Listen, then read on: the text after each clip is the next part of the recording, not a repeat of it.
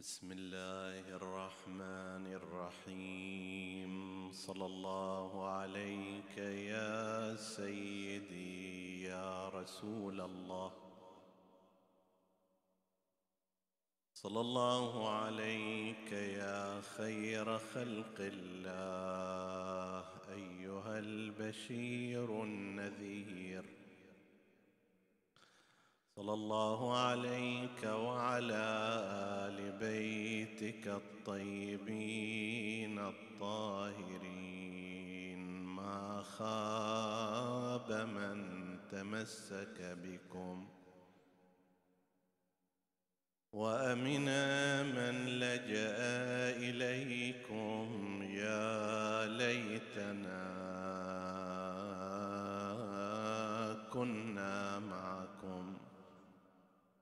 فنفوز فوزا عظيما. قال الله العظيم في كتابه الكريم بسم الله الرحمن الرحيم. وما ارسلناك الا رحمه للعالمين.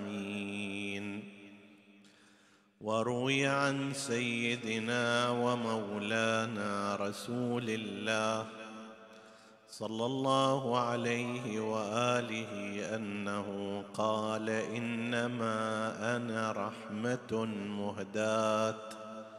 أنا نبي الرحمة. صدق سيدنا ومولانا رسول الله. صلى الله عليه وآله وسلم. نعزي العتره الهاديه لا سيما إمام زماننا وولي عصرنا الحجة المهدي عجل الله فرجه الشريف. ثم مراجع الدين وعامة المؤمنين بشهادة سيد الأنبياء وخاتم المرسلين المصطفى الأمين. ونسأل الله سبحانه وتعالى الذي عرفنا هذا النبي الكريم ورزقنا اتباعه أن يحشرنا معه في الجنة وأن يكرمنا بشفاعته إنه على كل شيء قدير. ونتحدث عن جهة من جهات شخصيته المباركة. ونتعرض إلى ما يتصل بها إن شاء الله تعالى. وما أرسلناك إلا رحمة للعالمين. خطاب من الله عز وجل قرآني للنبي ومنه إلى البشر. في صياغة فريدة يقول العلماء هي تقع بين السلب الكلي والاستثناء. وهذا يفيد أقصى درجات الحصر والتحديد. يعني تارة تأتي الآية تقول مثلا وأرسلناك رحمة للعالمين هذا طريقة. ومرة أخرى تقول وما أرسلناك إلا رحمة للعالمين الفرق في الصياغة بين النحو الأول والنحو الثاني فرق كبير جدا. الطريقة الأولى هي إثبات أرسلناك رحمة للعالمين ما يمنع أن يضاف إليه أشياء أخرى. أما إذا قال وما أرسلناك إلا رحمة للعالمين معنى ذلك أنه لا يوجد شيء آخر كأنما من هدف إرسالك ومن غاية بعثتك إلا أن تكون رحمة. فكل شيء يرتبط بك هو الرحمة. رسالتك رحمة شخصيتك رحمة سياستك رحمة عقوبتك رحمة. كل شيء يرتبط بك هو رحمة لأنه لا شيء فيك غير الرحمة. هذا يعطيه معنى شنو؟ وما أرسلناك إلا رحمة للعالمين. ومثل هذا التعبير ويشابهه ما روي عن النبي نفسه صلوات الله وسلامه عليه عندما قال إنما أنا رحمة مهداة. هاي إنما أيضا فيها حصر يقول العلماء فيها تحديد. يعني أنا لا شيء إلا الرحمة. ماكو شيء آخر إلى جانبي. إنما أنا ذاتي شخصيتي رسالتي عملي حركتي سكوني سفري حضري كلها هذه إنما هي رحمة وهذه الرحمة مهداة من الله عز وجل. فهذا في صياغة الكلمتين الآية المباركة والحديث الشريف. وأما إذا جئت إلى نفس كل كلمة الآية المباركة وما أرسلناك إلا رحمة للعالمين. العالمين هنا جمع عالم. يقولون جمع لكلمة عالم تصير عالمون ومع الجر تصير للعالمين. العالمين تارة ينظر فقط البشر. في البشر أكو أنواع مختلفة أصناف كثيرة. في فترات زمنية متعددة فيهم الجنس الأبيض والأسود والأصفر وغيره وكل هؤلاء داخلون في ضمن عالم البشر. لغاتهم مختلفة أشكالهم مختلفة أزمنة حياتهم مختلفة. هذول كلهم عندما يجتمعون يصبحون عالمين بالقياس إلى البشر. مرة نقول لا الآية المباركة فيها دائرة أوسع من دائرة البشر وإنما هي فوق ذلك تشمل الجن والإنس البشر وعالم الجن. هذا عالم وذاك عالم آخر وبالتالي النبي المصطفى محمد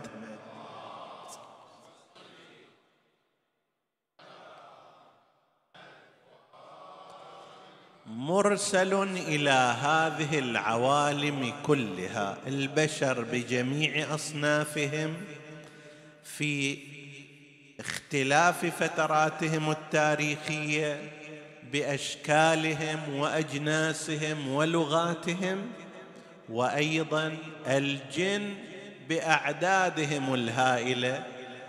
النبي مرسل لهم ومرسل رحمة لكل هؤلاء. من آثار رحمة رسول الله صلى الله عليه وآله الكثيرة جدا التي أخبرنا عنها هي أن الله سبحانه وتعالى منع عن البشرية عقوبة الاستئصال والعذاب الذي كان في حق الأمم السابقة. قبل النبي صلى الله عليه وآله كانت الأمة إذا خالفت نبيها وعصت رسولها ينزل عليهم عذابا. إذا استمرت في عصيانها وارتكبت مخالفة ربها قوم بعث عليهم الطوفان قوم بعث عليهم الجراد والقمل والضفادع قوم خسف خسف الله بهم قوم أرسل عليهم العواصف المدمرة فانتهت كل تلك الأمم. هذا عذاب نسميه عذاب استئصالي على أثر عصيان هذه الأمة لنبيها الله يرسل عليها عذابا ماحقا ساحقا. بالنسبة إلى هذه الأمة بعد مجيء نبينا المصطفى محمد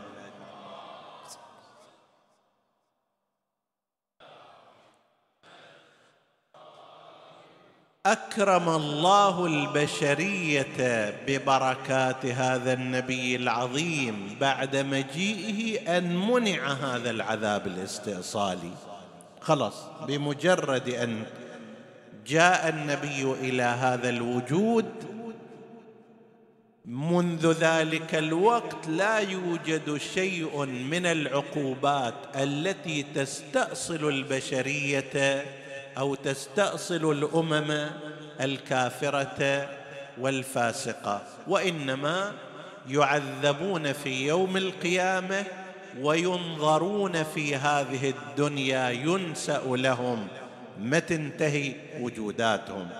وهذا لعمري من أعظم المنن على هذه البشرية ببركات هذا النبي العظيم. كل شيء كما قلنا يتصل برسول الله هو من الرحمة. هنا يأتي بعض الأسئلة من قبل متسائلين إما بدافع الاستفسار والاستفهام وإما بدافع التشكيك. ونحن نشير إليها باعتبار أن قسما من أبنائنا مثلا وبناتنا عندما يذهبون إلى خارج البلاد في قضايا الابتعاث من الممكن أن يتعرضوا إلى مثل هذه الأسئلة. بالفعل في من التحديات التي ينبغي أن يلتفت إليها المؤمنون هذا التحدي. أن يذهب ابني إلى الخارج لتكملة الدراسة. هذا مو خير مطلق ما في خطورة لا.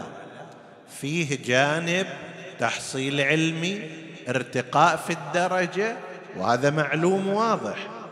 لكن في أيضا هناك خطورة أن تهتز عقائده وأن تخلخل درجات إيمانه إذا انفصل. أمس إحدى المؤمنات اتصلت وهي تبكي وتقول أنا ابني. من مناطقنا هذه. أنا ابني سافر إلى الخارج وبعد سنتين قال إنه تحول إلى المسيحية لأنه عنده أسئلة تطرح عليه وهو رجل وهذا مهم أنا أشير إليه. قال أيام شبابه ما كان يحضر في هذه المجالس وما كان يختلط وما كان يسأل. طيب كانوا يعيشون في منطقة أخرى. هاي المنطقة كانت قليلة المجالس الحسينية وجلسات الذكر وما شابه ذلك. صار في الثانوية وذهب بعد الثانوية إلى الخارج. طيب تعرض إلى مجموعة أسئلة حول رسول الله صلى الله عليه وآله من قبل مدرسيه ما يملك إجابات صارت شبهة صارت إشكالات عنده ما عنده جواب عليها ومن فتح أيضا على من يجيب عليها كرست هذه إلى أن تغير في إيمانه. فيا أيها الأب المؤمن يا أيتها الأم المؤمنة بمقدار ما أنت تحرص أيضا على أن تبتعث ابنك إلى الخارج لمواصلة الدراسة وهذا شيء مهم وضروري ولابد من الاستفادة من هذه الفرصة. أيضا ليكن حرصك عليه أشد وأكثر في قضية حماية إيمانه وتدينه. خليه يرتبط عندما يذهب إلى تلك الأماكن ببعض المراكز الإسلامية الهادفة والصحيحة ببعض العلماء أو إن تكن متواصل معه بشكل مستمر. لا تترك الابن هالشكل. خلص ما دام راح أنا انتهت مسؤوليتي من. طيب؟ وهناك جهات في مثل هذه الأماكن أيضا تعبئ الإشكالات والأسئلة والشبهات وتطرحها على هؤلاء الشباب اللي قد ما يكون عنده خلفية كاملة عن أجوبتها. من جملة ما يثار في مثل هذه القضايا يقول لك كيف أنتم تقولون أن النبي هو رحمة ومع ذلك يأتي بنظام للعقوبات. فيه قطع اليد وفيه القتل وفيه الجلد وفيه غير ذلك. شلون رحمة هذه؟ طيب الرحمة حقوق الإنسان ما تتناسب مع هذا الأمر. فإذا لا يكون هذا الدين رحمة ولا الشريعة رحمة ولا النبي رحمة. جواب على ذلك يطول لكن أنا أشير بعض الإشارات إليه. واحدة من تلك الإشارات أن الإسلام قبل أن يصنع نظام للعقوبات يهيئ المجتمع بشكل يسعى فيه أن لا يكون هذا الشاب أو تلك الشابه وراء ما يوجب عقوباتهم. عند شهوة جنسية أهلا وسهلا له طريق محلل. طيب يحرض الأب على أنه انت اسعى في تزويج ابنك متى ما كانت حاجته قائمة. ويقول إلى المجتمع هيئوا تسهيل أمر الزواج. خير نساء أمتي أقلهن مهرا. طيب ليصير هناك مبالغات في قضية المهور اشتراطات كبيرة جدا. طيب إذا جاءكم من ترضون خلقه ودينه فزوجوه لا تشترط اشتراطات عالية. أن يكون عنده من الثراء كذا وكذا ومن الشهادات كذا وكذا. فيهيئ المجتمع لكي لا يتورط هذا الشاب وتلك الشابه في ما يوجب عقوبته. إذا صار أمر الزواج يسير. بالنسبة إلى البنت صار أمر زواجها يسيرا سهلا. ما تحتاج تنتظر إلى عمر ثلاثين. سنة حتى تحصل زوج. والشاب أيضا ما ينتظر يدور إلى كأنما يبحث عن ضاله إلى أن يحصل إليه امرأة يتزوجها. أشبعت شهوته هنا. ليس بحاجة إلى اتخاذ طريق الحرام. هذا الإنسان اللي يربى على هالاساس يربى على أساس القناعة ويحمل والده وأهله مسؤولية الإنفاق عليه والصرف. ما راح يجد في نفسه حاجة إلى أن يسلك طريق السرقة حتى تقطع يده. يعلم على أن حل المشاكل في الدنيا ليست بتصفية الطرف الآخر. مو باليد تحل المشاكل وإنما بالكلمة الطيبة بالتفاهم الحسن بمنع الغضب بمنع الانفعال. انئذ ما راح يجد هذا الشاب أو ذلك الرجل نفسه مسوقة لكي ينتقم من من يخالفه عن طريق القتل والجرح وما شابه ذلك. فأول شيء يجي يهيئ المجتمع هكذا. ويحمل مسؤوليته. اثنين يشترط الإسلام اشتراطات جدا كبيرة ومفصلة في أمر ثبوت الجريمة. مو بمجرد ان قالوا فلان سوى فلان عمل خلاف وخاطئ راحوا مسكوه أقاموا عليه الحد. بعض الأحيان يصعب جدا إثبات الجناية والجريمة على هذا الإنسان وأكثر من هذا يقول له نفسه أنت استتر. إن الله يحب الستر إن الله ستير يحب الستر. سويت ذنب من الذنوب استغفر بينك وبين ربك وغير حالك ولا تمشي فيه. وآنئذ حتى لو أخذت وكان الحق حقا إلهيا ما تعاقب إلا الذين تابوا من قبل أن تقدروا عليهم. قبل ما تسوي ما مطلوب منك تروح تعترف أمام أحد. بينك وبين ربك استغفر الله سبحانه وتعالى وتب إليه وآنئذ لست مطالبا إلا إذا كان حقا من حقوق الناس. زيد من الناس سرق مثلا. الآن تاب عن السرقة ما يكفي هذا وإنما يحتاج أن يوصل المال إلى صاحب المال. مو شرط يقول له أنا رحت سرقت من عندك. مو شرط أن يعلن عن ذلك. المهم يوصله إليه بأي طريقة من الطرق ولو بطرق غير مباشرة ويستغفر ربه والله يتوب عليه. يشترط الإسلام اشتراطات كبيرة في هذا الجانب حتى لا تثبت الجريمة.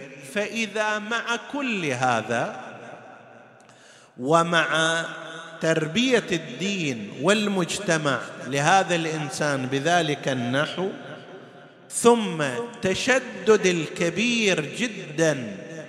مثلا في قضية الممارسة الخبيثه من الزنا يشترط لك اشتراطات يندر أن تتوفر. لازم يكون أربعة شهود ولازم يكونوا يشوفون العملية بشكل مباشر ولازم كذا وصورة وما صورة وفيديو كل هذا ما يكفي. طيب هذا وين يصير؟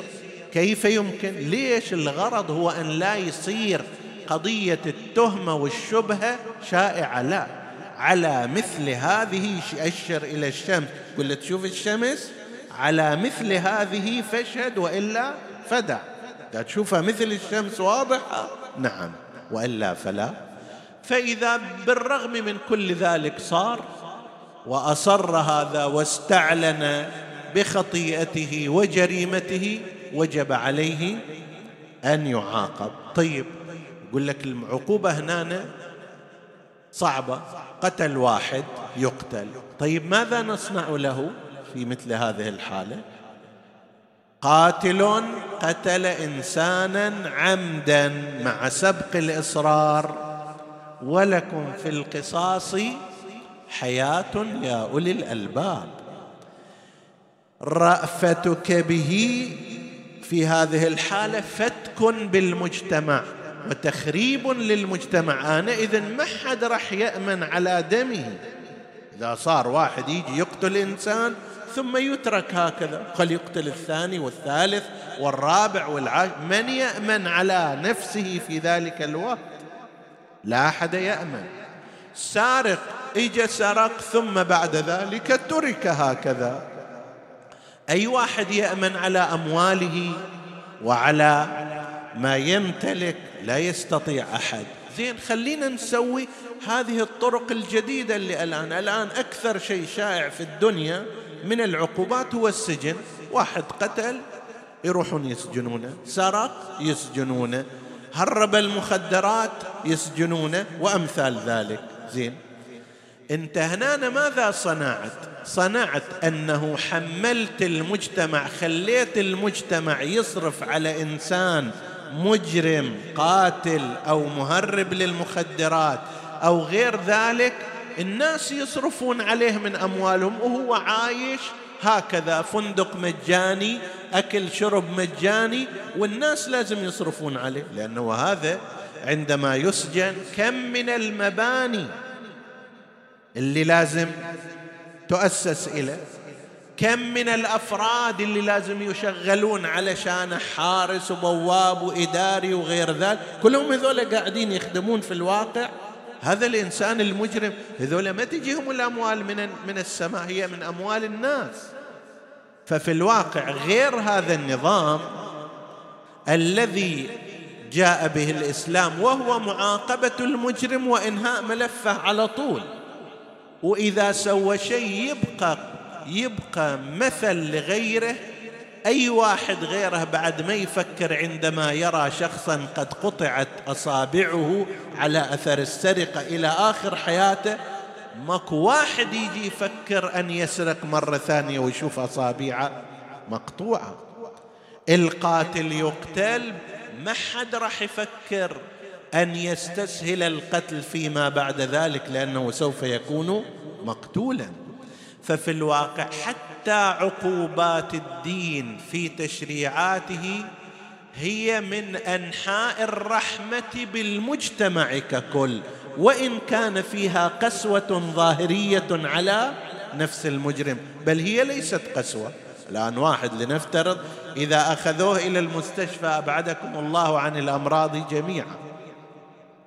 قالوا له هذا لازم أكو عندك مثلا غدة هذه لازم تبتر لازم تستأصل لازم تستخرج. يجي الجراح ويشق إيد هذا الإنسان وبعد ذلك يستخرجها يطلع الدم يتألم هذا الذي يشرح على منصة الطبيب.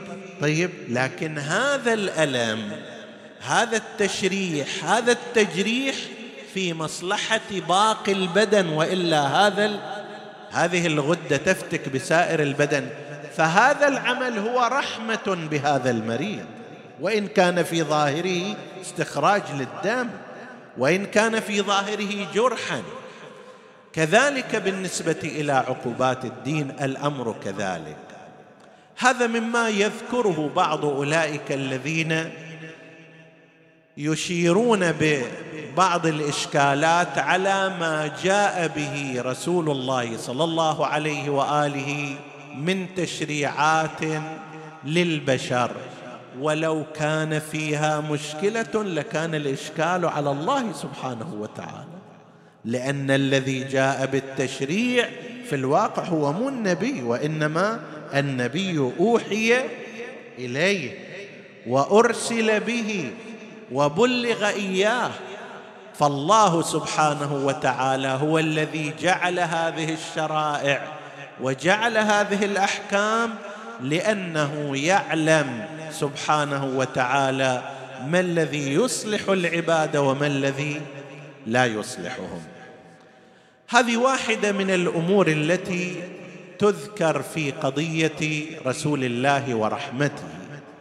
قضية أخرى أشير إليها إشارة سريعة وأنهي بها حديثي إن شاء الله وهي ما نقله بعض المؤرخين من تعامل رسول الله صلى الله عليه وآله مع يهود بني قريضه اليهود في تاريخهم كان شأنهم الخداع والإجحاف. أول سكنهم في المدينة المنورة ما كانوا في المدينة وإنما كانوا في اليمن وأطراف الجزيرة العربية وكان قسم منهم في فلسطين. فقبل بعثة النبي صلى الله عليه وآله بفترة من الزمان عدهم في كتبهم أن هناك نبيا يبعث في مكة ويستقر في المدينة. وهو نبينا محمد.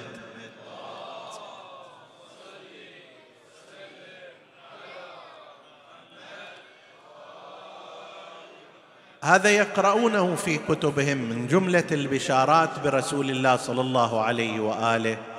فهذول ظنوا أن هذا الرجل منهم من بني إسرائيل ولكن راح يكون في مكة والمدينة إجوا إلى المدينة باعتبار أنها هي التي ستكون مستقر لهذا النبي ومحل هجرته وبناء دولته.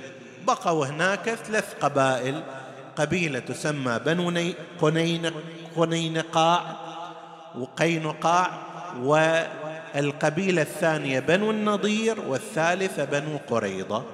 ثلاث قبائل كبيرة إجوا إلى المدينة واستقروا فيها. لما بعث رسول الله صلى الله عليه وآله وكانوا من قبل يقولون للكفار ترى بعد شوية بيجي نبي يبعث يكسر الأصنام يهدم الأوثان هذا يدعو إلى التوحيد كانوا يفتخرون فيه. فلما جاءهم ما عرفوا من الحق جحدوا رسول الله. وأنكروا أن يكون هذا هو النبي المبعوث. كانوا يتصورون واحد من بني إسرائيل وعلاماته ثابتة عندهم لكن هم قوم جحد. فأنكروا رسول الله وقالوا لا ومن من اقبل هذا الكلام من عنده؟ ولما جاء النبي إلى المدينة ودعاهم إلى الإسلام وقال لهم أنتم تجدون في كتبكم صفتي هذا خاتم النبوة عند كتفي تعرفون صفاتي؟ قال له لا إحنا ما نقبل ولا نؤمن بك. النبي لم يقصرهم على ذلك وإنما قال طيب أنتم تبقون في المدينة. والمدينة هذه أصبحت كلها مؤمنة مسلمة. طيب فلا بد أن تكون هناك اتفاقية بيننا وبينكم تنظم العلاقة. لا إحنا نخونكم ولا أنتم تخونوننا. لا تخدعونا ولا نخدعكم. وأي واحد اللي يسوي هذا يحق عليه النكال قالوا ما يخالف؟ أكو هناك وثيقة تسمى وثيقة المدينة حوالي خمسين مادة فيها إلى الآن موجودة في الكتب. اليهود كما قلنا قوم جاحدون فصار عندهم أول مشكلة بنو قينقاع. ذهبت إلى حيهم امرأة مسلمة فاعتدوا عليها وكشفوها ومارسوا معها أمورا لا تناسب المرأة المسلمة المحتشمه طيب. أدى ذلك إلى أن رسول الله صلى الله عليه وآله يقول لهم هذا بمقتضى الوثيقة اللي عقدناها بينكم هذا هاي القبيلة لازم تطلع. هذه قبيلة مجحفة قبيلة معتدية قبيلة خائنة لازم تطلع من المدينة. قبلوا ذلك وخرجوا. هاي القبيلة الأولى. الثانية بنو النضير هذول ذهب إليهم رسول الله صلى الله عليه وآله في قضية من القضايا فقالوا جدت الله جابها حسب التعبير ما دام محمد وما كانوا يسمونه بالنبي ما دام محمد جاء إلينا برجله نقعد وياه ثم من فوق الجدار نلقي عليه بصخرة كبيرة ويموت. وانتهي الموضوع. بالفعل بينما النبي صلى الله عليه وآله جالس حسب خطتهم هم أخبروا أشخاص يلقون صخرة كبيرة يحتاج إلى ثلاثة أربعة رجال يلقونها. أي بعد فيها القاضية النبي نزل عليه الوحي أن قم من هذا المكان وارجع إلى المدينة فورا. الله سبحانه وتعالى يحمي نبيه والله يعصمك من الناس أي قانون من البداية. فقام النبي صلى الله عليه وآله كأنه رايح إلى شغلة ورجع إلى المدينة. طبعا لما صار هالشكل مؤامرة لاغتيال رسول الله ولقتله في بلادهم. أعلن عليهم الحرب وقال لهم أنتم أناس لا وفاء عندكم ولا عهد لكم لازم أيضا تطلعون. إحنا اجينا وأردنا أن نتفق معكم بشكل حسن ما صار أنتم مو أهل وفاء ولا أهل أمانة خرجوا. القسم الثالث هم بنو قريضة. هذول لما صارت قريب غزوة الخندق وكانوا في المدينة اتفقوا مع قريش ومع غطفان ومع غيرهم أنه أنتم تعالوا من فوق وإحنا من تحت من أطراف المدينة نهاجم محمد وأصحابه ونحتل المدينة وأنتم تقتحموها وخلص ننهي قضية هالنبوة هذه وهالنبي إلى الأبد. رسول الله صلى الله عليه واله بتدبير هذا الرجل المخلص المؤمن سلمان المحمدي أمر اصحابه ان يسوون قضيه الخندق وحفروا ذلك الخندق بجهود عظيمه جدا خندق تدري في ذاك الوقت إيش قد خمسة كيلومترات هذا عرضه ياخذ من طرف إلى طرف من الجبال في المدينة. نفس الخندق عمقه ثلاثة أمتار وبعرض ثلاثة أمتار عمقه ثلاثة عرضه ثلاثة طوله خمسة كيلو متر إذا تحسبها قريب من خمسة وأربعين ألف متر مربع من التراب والحجر شالوه. مو شيء قليل هذا بتلك الأساليب والوسائل البدائية اللي كانت بس سووه النبي صلى الله عليه وآله في مقدمتهم كان. طيب. المهم هذول أيضا اتفقوا وياهم بنو قريضه قالوا إحنا نجي ونقتحم المدينة من هذه الجهة. الله سبحانه وتعالى دخل حسب تعبيرنا على الخط ونصر رسوله. وأرسل الرياح على جيش الأحزاب والكفار فكانت الريح إلى حد تكفئ القدر الممتلئ. شايف هذا القدر الكبير؟ إذا فيه مي يحتاج إلى مي أو طعام أو غير ذلك يحتاج إلى ثلاثة أربعة رجال يشيلونه. الريح كانت بدرجة لتطير هذا القدر وبالتالي لم يستطع القرشيون الكفار أن يبقوا في ذلك المكان فهزموا وانقلبوا صاغرين وكفى الله شر القتال عن المؤمنين. كفى الله المؤمنين القتال. هذول كانوا شنو؟ حاولوا أن يحتلوا المدينة ودزوا بعض اليهود إلى قسم اللي كانوا النساء المسلمات في حتى يذكر هنا أن صفية بنت عبد المطلب نزلت من مكان مرتفع. المسلمون ودوا ودوا نسائهم من خوفهم من اليهود على أماكن مرتفعة. لا يجون هذول وينتهكوا أعراضهم. حتى اجى بعض كفار اليهود يدورون حول هذه الأماكن فنزلت صفية بنت عبد المطلب وقتلت واحدا من اليهود. قالت إلى صفية قالت إلى أسامة بن زيد إلى حسان بن ثابت وروح اقتله. قال لها أنا مو مال الشغلات هذه حسب التعبير ما أقدر أقاتل. فأخذت عمودا ونزلت إليه والتمست غرته وقتلته. طيب أخت أبي طالب سلام الله عليه وعليها. الآن انتهت المعركة من ذاك الصوب. اليهود تربصوا بقتل رسول الله وبالهجوم على المؤمنين وبالهجوم على المؤمنات. فجاء النبي صلى الله عليه وآله وحاصرهم على أساس يطلعون. طبيعي هنا أن واحد يخونك يخدعك يحاول قتلك ويحاول تشريد أهلك وهو معه معك اتفاقية. الآن مستسلم فأمر النبي صلى الله عليه وآله كما ذكروا أن يؤخذ من حزب ومن شجع وتضرب أعناقهم. فأخذ في رواية أربعين شخص من هذول رؤسائهم اللي خانوا العهد والميثاق. وتآمروا مع كفار قريش. طيب أربعين واحد أمر بضرب أعناقهم. طيب إلى هنا القضية ما فيها شيء. لما يجي الآن مستشرقون وغربيون ولا سيما من اليهود من اليهود يقولوا لا الذين قتلهم النبي محمد كانوا تسعمائة واحد. وهذه مجزرة وهذه مقتلة وهذه إسالة دماء وكيف هو رحمة وإلى غير ذلك. والحقيقة التي تشير إليها القضايا التاريخية أن أن النبي أمر بقتل أربعين واحدا منهم ممن كان حرض وحزب وقاد المسألة من الكبار والرجال. زين.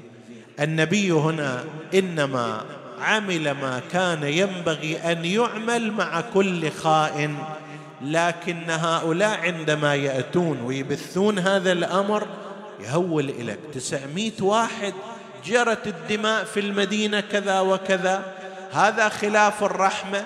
الحقيقة ليست كذلك وإنما نبينا صلى الله عليه وآله أجرى عليهم باقل الأحكام. التي ينبغي أن تجرى على هؤلاء. جماعة رؤساء جماعة محرضين جماعة محزبين أرادوا احتلال المدينة. عقوبتهم ما هي؟ أن يقتلوا وبالفعل صنع النبي ذلك. فيجي من هؤلاء من المعاصرين مستشرقون أو غربيون أو غيرهم وللأسف يجدون في بعض كتب المسلمين روايات غير دقيقة حول هذا الموضوع. كلا النبي صلى الله عليه وآله كان ممثلا للرحمة بأقصى درجاتها. ولو خيرنا بين أن نصدق ما قاله الله عنه وبين ما قاله سائر الناس محدث مؤرخ مستشرق. الله يقول ما أرسلناك إلا رحمة للعالمين. هذا المؤرخ والمحدث يقول لا لم يكن رحمة عند رسول الله. أي الطرفين نصدق؟ لا ريب أننا نصدق القرآن الكريم وخطاب الله المجيد في حق سيدنا محمد.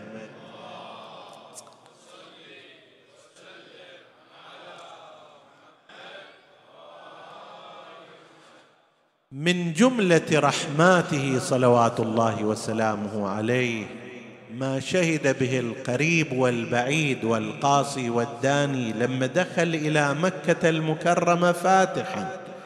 أهل مكة كفارها حاولوا قتل النبي في مكة. ثم لحقوه إلى المدينة. غزوات صارت بدر. صوب المدينة أحد صوب المدينة خندق صوب المدينة. طيب يعني كانوا يلاحقون النبي لقتله والقضاء عليه. زين؟ الآن النبي دخل فاتحا. في فينادي اولا واحد من الأنصار من أهل المدينة اليوم يوم الملحمة اليوم تسبى حرمة. فالنبي صلى الله عليه وآله أمر عليا. هذا الناطق الرسمي أمير المؤمنين باسم رسول الله. قال له لا روح أخذ من عندها اللواء والراية. وقل اليوم يوم المرحمة اليوم تصان الحرمة. إحنا مو جايين للعنف ولا للشدة ولا للملاحم والقتل وإنما جئنا للرحمة. فأخذ علي اللواء والراية وأعلن بين كفار قريش اليوم يوم المرحمة اليوم تصان الحرمة ثم إن النبي بعد أن اجتمعوا وكأن على رؤوسهم الطير قال لهم ماذا تظنون أني صانع بكم؟ أنتم قتلت أصحابي شردتوني طاردتموني قتلتم عمي حمزة وأصحابي في المعارك. شنو تتصوروا أسوي لكم؟ هؤلاء يعرفون من هو النبي. قالوا نظن خيرا. أخ كريم وابن أخ كريم. قال فاذهبوا فأنتم الطلقاء. حتى عتاب ما عاتبهم مو عقاب. حتى عتاب ما عاتبهم فضلا عن العقاب. مثل هذا الرجل لا ينتظر شيئا بعد الرحمة لا ينتظر إلا العفو والصفح من رحمته صلوات الله وسلامه عليه. أنه كان حريصا على هداية الناس إلى حد إيقاع نفسه في الأذى. أنا وإنت إذا تكلمنا ويا إنسان وما سمع الكلام نقول خلي على راحته ما لنا شغل فيه. النبي صلى الله عليه وآله القرآن خاطبه الله خاطبه يقول له فلعلك باخع نفسك على آثارهم إن لم يؤمنوا بهذا الحديث أسفا. يعني أنت قاعد تقتل نفسك علشان هدايتهم؟ خفف على نفسك. الله الرحيم يشفق على رسول الله. يقول لك ما يحتاج تروح هالقد ما يحتاج تقتل نفسك علشانهم. خفف من أمرك. لكن الرسول رحمة مهداة. على الكفار الذين آذوه يرفع يده بالدعاء. مو لكي يدعو عليهم وإنما يقول اللهم اهد قومي فإنهم لا يعلمون. وهذا مو من آخر زمانه وإنما من أول الأيام إلى آخر لحظاته في مثل هذا اليوم وفي مثل يوم أمس بعد أن مرض رسول الله صلى الله عليه وآله وثقل حاله. هسه هل مرضه كان على أثر ما نقل من سم اليهودية إياه؟ ولا نستبعد فعل اليهود الخونة في هذه الأمور. فقد دس إلى رسول الله سم في كتف شاة ولعل هذا أثر في سوء صحته ومرضه. بل حتى لو ما كان النبي مسموم ترى اللي شافه رسول الله صلى الله عليه وآله من خلاف أصحابه ومن استنكاره لأعمالهم. بل ولما كان يتوقع حصوله حصوله بعده هو هذا يسم الإنسان ويمرضه.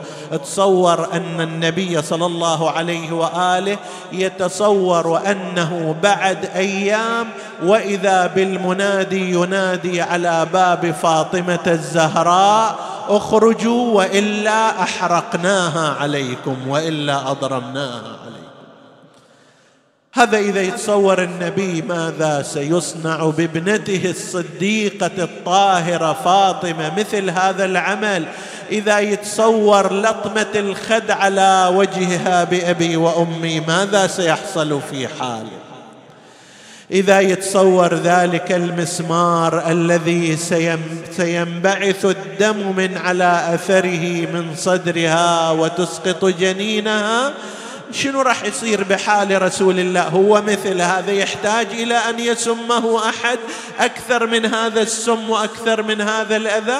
لذلك ساءت حال رسول الله تضاعف مرضه وها بدنه ضعفت قواه بأبي وأمي جلس عن الصلاة في المسجد جلس في بيته أقبل الناس إليه يزورونه وهم يظنون أن النبي مفارق لهم. لما اجتمعوا هاي الفرصة الأخيرة عسى ولعل من رحمة رسول الله أن يوصيهم بوصية تكون منقذا لهم. نادى رسول الله آتوني بدوات وكتف اكتب لكم كتابا لن تضلوا من بعده أبدا. قال أحدهم إن الرجل ليهجر لا تعطوه. الله أكبر رسول الله الذي لا ينطق عن الهوى يريد إنقاذكم يريد سلامتكم. يريد مستقبل هذه الأمة. وإذا بالمنادي ينادي لا تعطوه فإن الرجل ليهجر. ابن عباس إلى سنوات يضرب على فخذه ويقول الرزيه كل الرزيه يوم حالوا بين رسول الله وبين كتابة الكتاب. يعني كل هالمصائب وكل هالمشاكل اللي صارت على المسلمين من وراء ذلك اليوم. صار اللغط بين الأصحاب إلى أن قال بعضهم ألا نأتيك بالكتاب؟ قال بعد الذي قلتم. لا لا يكون يعني لا ينفع بعد هذا ولكن انصرفوا عني انصرفوا عن رسول الله وبقي نبينا سلام الله عليه يعاني ما يعاني من ألم المرض ومن ألم هذا الكلام وأمثاله. بينما هو كذلك. أحس بدنو أجله نادى ادعوا لي أخي وحبيبي. هذا كاشف الكرب عن وجهي أريد أن أختلي به. فنودي شخص فأشاح رسول الله بوجهه عنه. نادى مرة أخرى ادعوا لي أخي وحبيبي. نودي آخر فأعرض عنه فقالت أم سلمة ويحكم ادعوا له علي بن أبي طالب. والله ما يريد أحدا غير علي. هذا كاشف كربه جاء علي سلام الله عليه. استدناه أدناه إليه ضمه إلى صدره أودعه. من العلوم ما أودعه أوصى إليه بوصاياه يقول بعض أرباب الخبر انتهت الوصايا العامة اجى إلى وصيته بأهل بيته وبفاطمة وبأن يصبر على ما يرى. وكأنه شرح إليه بعض ما قيل فلما رأى علي ذلك توقف قليلا كيف يصبر على لطمة الزهراء؟ وماذا يصنع إذا سمع صوتها من وراء الباب؟ لكن قال له النبي بلى تصبر حتى يحفظ الإسلام ويبقى. عندها جاءت سيدتنا فاطمة سلام الله عليها ضمها إلى صدره. بعض أرباب الخبر يقول قال رسول الله متمتما كأني بها وقد دخل الظلم بيتها والذل دارها فتستغيث ولا من مغيث وتستجير ولا من مجير. آه على فاطمة يا رسول الله. جاء الحسنان وقعا على صدر رسول الله ضمهما إليه. فقام علي لكي يبعدهما رفقا برسول الله فقال له يا علي دعهما على صدري أشمهما يشماني أتزود منهما يتزودان مني فإنهما يصبحان من بعدي يتيمين مظلومين مقتولين ألا لعنة الله على من ظلمهما ومن قتلهما؟ بينما هم كذلك وإذا بطارق يطرق الباب يا مؤمنين لن واحد بالباب يتخفى بكلامه. ينادي أهل بيت النبوة والإمام. بالله ادخلون على لي مظلل بالغمام أطلب الرخصة على النبي سيد الكون. قال النبي قومي يا زهراء وافتح الباب. هذا الذي ما يهاب من حاجب وبوا وهذا الذي يفرق يا فاطم بين الأحباب. بس الله الله من بعد عيني بحسن وحسين. جاء ملك الموت مستأذنا على رسول الله ومسلما. عظم الله أجوركم. أخبره النبي بأن يقبض روحه فشرع في قبض روح نبينا المصطفى. رأس النبي في حجر علي وفاطمة إلى جانبه والحسنان عند رجله. ساعة إذ عرق جبينه. سكن أنينه خمدت أنفاس رسول الله فاضت روحه الطاهرة. صرخت فاطمة وأبتاه نادى علي ومحمدا أنا وأنت تنادي ورسول الله. باشر إمامنا أمير المؤمنين في تجهيزه مدد على المغتسل نظرة الوداع من فاطمة ومن أبنائها أسم الله على طولك يا جمال الهاش. على المغتسل ممدود يا خير البري يا مرتضى اكشف لي عن الوالي وجمال سفر الجفن عن غرته ودعه شبال هذا الحسن مشعوب قلب انظر الحال. هذا الشهيد حسين عبراته جري ويلي تهيلون الثرى دفنوني ويا. ما أقدر أشوف البيت خالي من محيا. قشرة تراه تصير عيشتنا.